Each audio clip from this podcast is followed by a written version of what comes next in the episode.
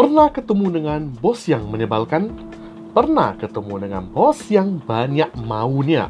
Bentar maunya A, bentar maunya B, bentar maunya C, lalu dia pun lupa apa yang dia mau.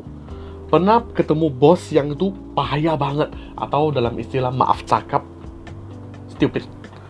Nah, teman-teman milenial di mana pun Anda berada, di mana pun Anda bekerja dan di industri apa pun, saya percaya teman-teman pasti pernah dalam pengalamannya itu ketemu bos yang semacam ini. Walaupun tidak semuanya bos seperti itu ya, tapi kemungkinan besar pasti ada bos yang seperti itu. Tentu saja bos seperti ini itu membuat kita kesel. Kebanyakan orang itu responnya akan seperti apa kalau berhadapan dengan bos seperti ini? Pagi-pagi dia dengan semangat, masuk ke kantor, masuk ke ruangan bos, eh disemprot selama satu hingga dua jam. Keluarnya itu langsung bete, keluarnya itu langsung bad mood. Ketemu rekan kerja, yang lagi lucu-lucu sama dia, senggol bacok langsung. Ada yang langsung marah-marah, ada yang langsung sedih, ada yang langsung menangis, dan juga ada yang langsung saya berhenti dari pekerjaan ini, resign langsung. Namun apakah ini semua adalah solusi? Tentunya ini bukan solusi yang tepat. Kenapa? Bila Anda tidak mengetahui cara bagaimana mengatasi bos seperti ini, ke mana pun Anda pindah, pasti akan bisa ketemu lagi bos yang semacam ini dan akan membangkitkan memori trauma Anda. Kan nggak mungkin dong, tiap ketemu bos seperti itu resign dulu. Nah, jadi di podcast episode kali ini, saya akan membagikan 5 tips yang bisa membantu teman-teman. Nomor satu, Langkah pertama yang Anda lakukan kalau bertemu dengan bos semacam ini, Anda itu harus membangun hubungan dengan dia. Atau istilah NLP-nya itu nama rapo ya, membangun hubungan, membangun sebuah keakraban. Anda boleh mengajak bos Anda itu makan bareng, ngopi bareng. Dan saya yakin, dalam waktu makan bareng sama ngopi bareng, bos itu suka cerita tentang pengalaman. Dulu saya pernah begini, dulu saya pernah begitu, macam-macam. Jadi, ajaklah bos Anda untuk ya ibaratnya hangout bareng gitu. Itu yang pertama. Mudah ya dilakukan ya. Nah, nomor dua, kita itu harus melihat sisi positif, sisi baik dari bos Anda. Mungkin saja bos Anda itu di dalam kantor tuh hobinya marah-marah.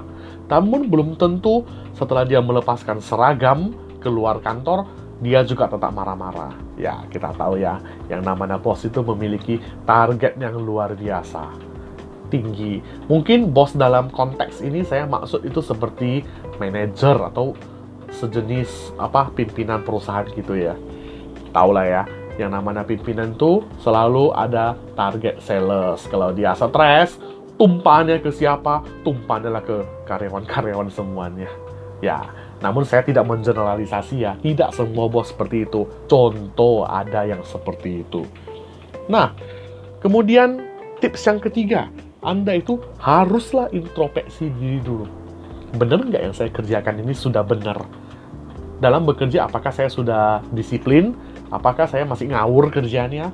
Tentu saja kadang bos itu marah-marah pada kita karena kerja kita tuh ngawur, nggak jelas apa yang dikerjakan, terlihat sibuk sekali dari pagi hingga malam, namun tidak menghasilkan, tidak ada proyek yang selesai. Sudah sepantasnya Anda disemprot bila Anda memiliki cara kerja yang seperti itu. Yang keempat, ini jadikan sebagai ajang untuk melatih emotion intelligence Anda. Dalam kata lain, melatih teknik sabar menghadapi bos-bos seperti ini. Tentu saja di sini diperlukan teknik dalam mengelola emosi yang lebih baik. Mungkin saya tidak akan membahas terlalu banyak bagaimana cara-cara mengelola emosi. Itu nanti akan kita bahas di podcast-podcast episode yang berikutnya.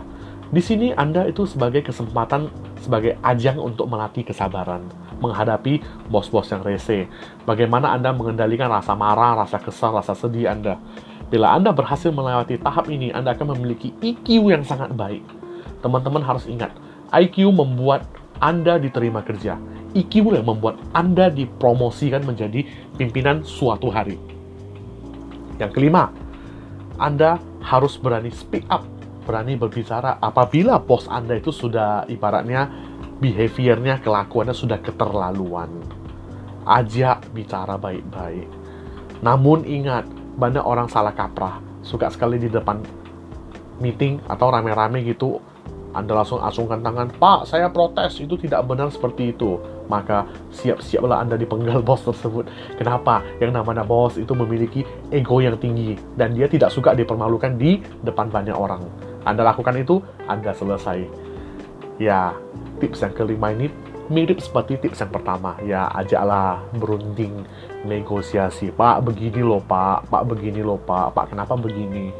Nah, jadi ngomongin negosiasinya seperti apa tergantung kasus-kasus berbeda-beda. Ini saya tidak akan mungkin bisa menjelaskan satu per satu persatu kasusnya. Nanti kita ngomong podcastnya sampai 24 jam juga nggak selesai.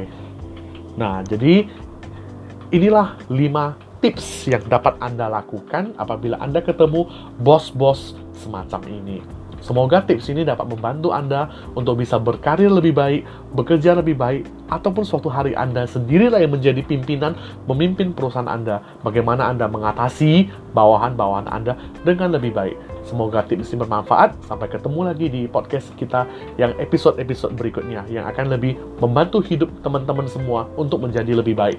Salam sukses luar biasa.